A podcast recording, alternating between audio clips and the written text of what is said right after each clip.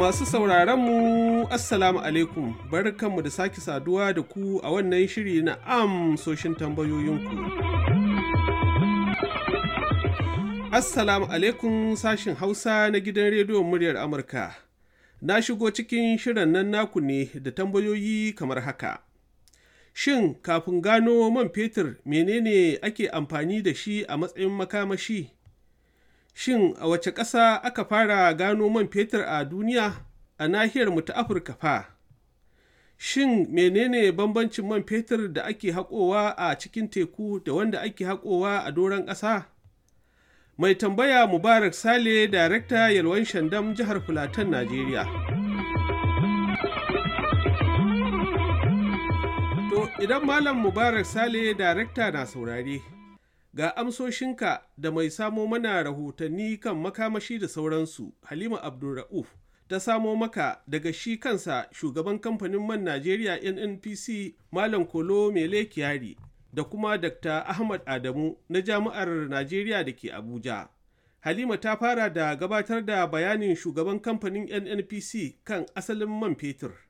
Shi man fetur da can ba gane ma cewa daga kasa ke fitowa ba. Lokacin da aka fara gano shi ana ganin su ne a kasa musamman aka ce aka fara shi ko china ko america inda aka gani wannan yanayin a kasa sai mutane su kwashe shi su je su kunna wuta da shi. Saboda haka ainihin yadda ke faruwa shine wato wasu halittun allah ne wanda shekara da shekaru aka yi su cikin teku suka yi yawa suka rube. So ruben nasu ya sanya allah da ikon shi kuma ya sanya kasa suka zube a kansu. Suka narke kuma kuma Allah sai suka zama man fetur. Ta na haka sa shine tushen su.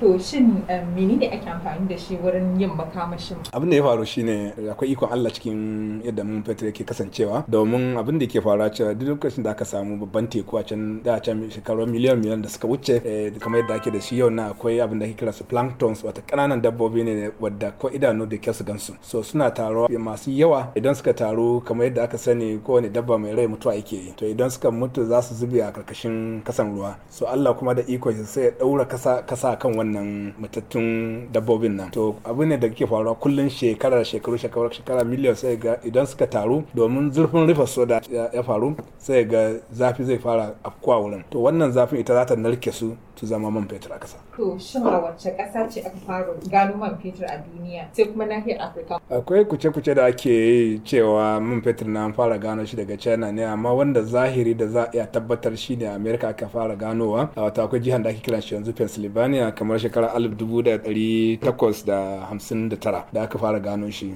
Nan kuma Afirka Algeria aka fara gano man fetur shi ma alif dubu da ɗari tara da hamsin da uku. Da nan kuma mu kuma Allah kuma ya ba mu dama Najeriya muka samu namu alif dubu ɗaya da ɗari tara da hamsin da shidda. To shin menene bambanci tsakanin man fetur da ake haƙowa cikin ƙarƙashin teku da kuma wanda ake haƙowa a doron ƙasa? A zahiri babu wani bambancin da za a gane a man fetur a ce wannan daga cikin teku ne wannan kuma daga ƙasa aka samu. Mai da duk inda aka same shi yanayin su yana shan bambam daga rijiya zuwa rijiya da kuma yanayi zuwa yanayi ko a ƙasa ne ko a cikin ruwan saboda ƙasar idan aka fito da shi sa ja auna ga wannan man ya yake tana da laushi ne tana da taushi ne tana da ɗaci ne da sauransu duk ana auna a gane a bambanta su a ba su suna. Shi yasa ake ji a ce boni light da kowa ya sani a ce focados bonga da sauransu da duk sunaye ake ba su amma sunan ana bambanta cewa wannan daban yake da wancan. Akwai bambanci tsakanin yin aikin mun fatira doron kasa da kuma cikin ruwa. Na farko idan za a yi shi a can cikin ruwa akwai abin da ake kira shi gadon aiki wato platform wanda yana yi yana kan jirgin ruwa ne yana yi kan tsaya kafanta ko kuwa yana yi ma wanda jawo ake yi idan aka gama aiki a tafi da su. Amma kuma doron kasa akwai bambanci tunda duk kan aikin na kan kasa ake ajiye su. Kuma za a ga yadda ake yin su tsadan su bai kai na can cikin zurfin ruwa ba domin cikin teku kowa su cewa akwai yanayin sun bambanta kuma har da ma yadda ma ke technology da ake a samu man duk shi ma ya bambanta saboda haka ya fi sauƙi a samu mai a aikin shi a doron kasa da a yi shi a cikin teku.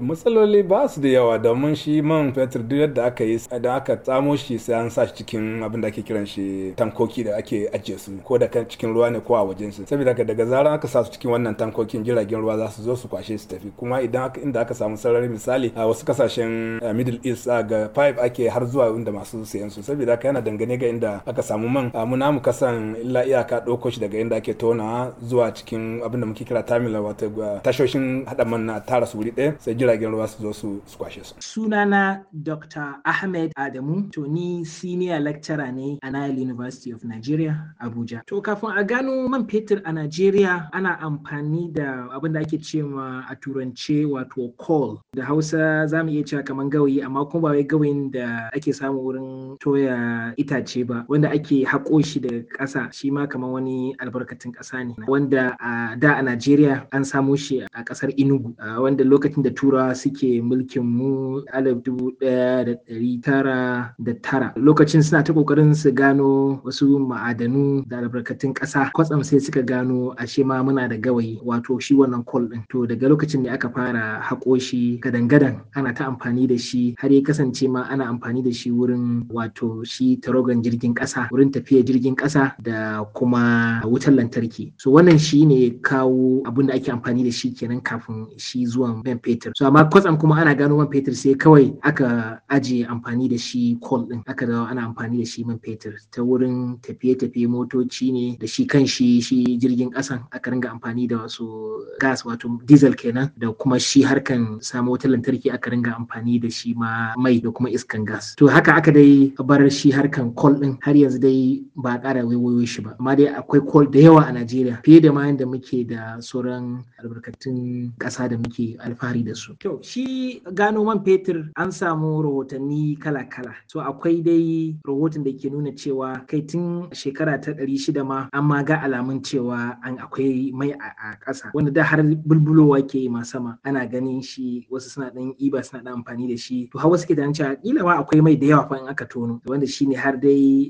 irin tono na zamani dai za a ce an fara shi ne a alif dubu ɗaya ɗari takwas da arba'in da shida a ƙasar rasha. Ba da daɗewa ba a alif dubu ɗaya ɗari takwas da hamsin da tara aka ƙara gano wani mai wato a amurka wanda shine wanda ya shahara sosai ko a tarihi an fi kawo irin wannan tarihin. A duk da cewa tun a najeriya tun lokacin da ake harkan wato bauta da ake yi sai da mutane lokacin mulkin turawa aka fara nema ko za a samu mai a najeriya. Bayan an gani an gano a amurka da rasha sai aka ce ah to bari a zo najeriya a fara bincike. A alif dubu ɗaya da ɗari tara da biyar kenan a wani gari da ake ce ma jihar da ake ce ma ondo state wanda har sisa ma su tura mulkin mallaka suka mallaka ma duka faɗin najeriya suka ba wa kamfanin shell domin ta ci gaba da bincike ko za a gano mai. Amma dai ba a gano mai ba. Sai a wani gari da ake ce ma oloibiri a shekara ta dubu ɗaya da ɗari tara da hamsin da shida aka fara gano mai man fetur a oloibiri. Wani ƙauye ne wanda yanzu a bayelsa kenan wanda kuma kamfanin shell ne ya gano wannan man fetur din so lokacin najeriya bata da ƙarfi ko kuma wayewa ma na irin wannan tono man fetur din so bayan shekara biyu aka fara fitar da man fetur zuwa ƙasashen waje saboda kila ma ba a buƙatan shi a najeriya ko kuma ba matatun man fetur din a najeriya sai dai a fitar da shi ƙasan waje kaɗan da ake buƙata a cikin gida najeriya sai dai a ƙara shigowa da shi so sai bayan ma da aka samu yanci kamfanika suka fara shigowa da ƙasashen waje su ma suka dinga taka rawa su ma tare da wannan kamfani na Shell. To duka dai kamfanikan ƙasashen waje ne. To shi man fetur ana iya samun shi a ƙarƙashin ƙasa saboda wasu wasu sinadarai ne suke narkewa suke yin ƙasa su je su haɗu su daɗe a ƙasa har sai su zama mai. To wannan haɗuwan zai iya faruwa akan wato inda ba ruwa da inda kuma ke ƙarƙashin ruwa. To shi za a iya samo man fetur a cikin ruwa da kuma abin da yake kan a kan doron ƙasa wato inda ba ruwa kenan. So ya sha bamban sosai amma dai yanayi na man duk mai ɗaya ne. Ba wani man da zaka ce a wannan ai an tono shi ne daga ƙasa wannan kuma an tono shi ne daga ƙarƙashin ruwa. Ba za ka gane bambanci su wai ta ido ba. Iyaka dai wurin abubuwa kamar tsada za a iya cewa tonon rijiyar mai a teku ya fi tsada fiye da wanda ake yi a kan ƙasa. Saboda sai ka kai mutane cikin ƙasa sai ka mutane cikin ƙarƙashin ruwa. Da ƙarƙashin ruwa ruwa wanda a je a sa karafuna. Sannan a to waye zai shiga cikin ruwan nan a ringa welda a cikin ruwa. Ba ƙaramin aiki ba ne wato wato ana kashe kuɗi sosai a tonon man fetur a cikin ruwa fiye da wanda ake kashewa a kan ƙasa. Wanda kan ƙasa kawai tono za a yi a zira su wannan karafunan da pipe pipes din bututun wato tsotso man. So sannan kuma wahala. Kamar da na faɗa ya fi wahala a tono man fetur a cikin ruwa fiye da yadda ake a kan ƙasa. Sannan kuma zurfi. Shi rijiyar mai da take cikin ruwa ta fi zurfi fiye da wanda ake take a kan doron ƙasa. Mafi yawanci sannan kuma yawa an fi yawan samun adadin ko kuma yawan man fetur a cikin ruwa fiye da yadda ake samu a kan doron ƙasa. Ma'ana nake so nake nufi a nan shine abin da rijiyar mai da take kan doron ƙasa guda goma za ta samar tana iya wata rijiya guda ɗaya da ce cikin ruwa za ta iya samar da adadin wannan man. Sannan sauƙin sufurin shi zuwa ma wanda suke buƙatan shi ɗan yaman fetur ɗin. Wanda ke cikin teku za a iya sauri a sa ɗora ma shi wato jirgin ruwa da yake ɗaukan shi man fetur ya tafi ƙasashe to ya fi sauƙi amma wanda kuma yake kan doron ƙasa kaga sai an sa wato abin da ake ce gadarin pipelines wato wani bututu ne wanda ke tattaro mai daga kowane rijiyoyi a tattaro su sannan a sa wasu cikin pipe wato wani bututu guda ɗaya sannan a tafi da shi inda ya kamata tace shi ko kuma inda za a dora ma wasu tankuna ko kuma inda za a sa shi tafi da shi ƙasar waje. To sai kuma da bayan shekara biyar bayan an ba Najeriya yancin kanta aka fara gina wato matatan mai wanda man da ake fitarwa ƙasar waje sai ya ragu.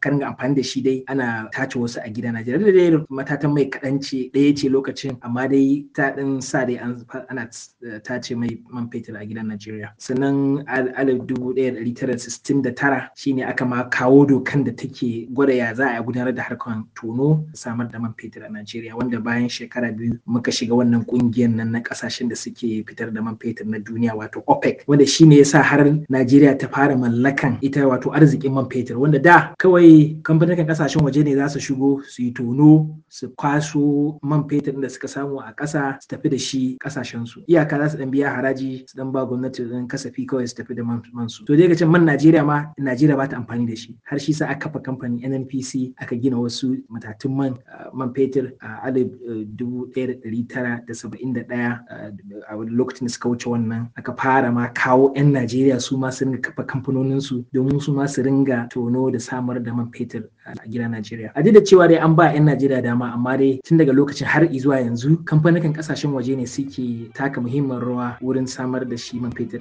a gida najeriya To sai a kasance da mu makon gobe don jin ansoshin wasu tambayoyin.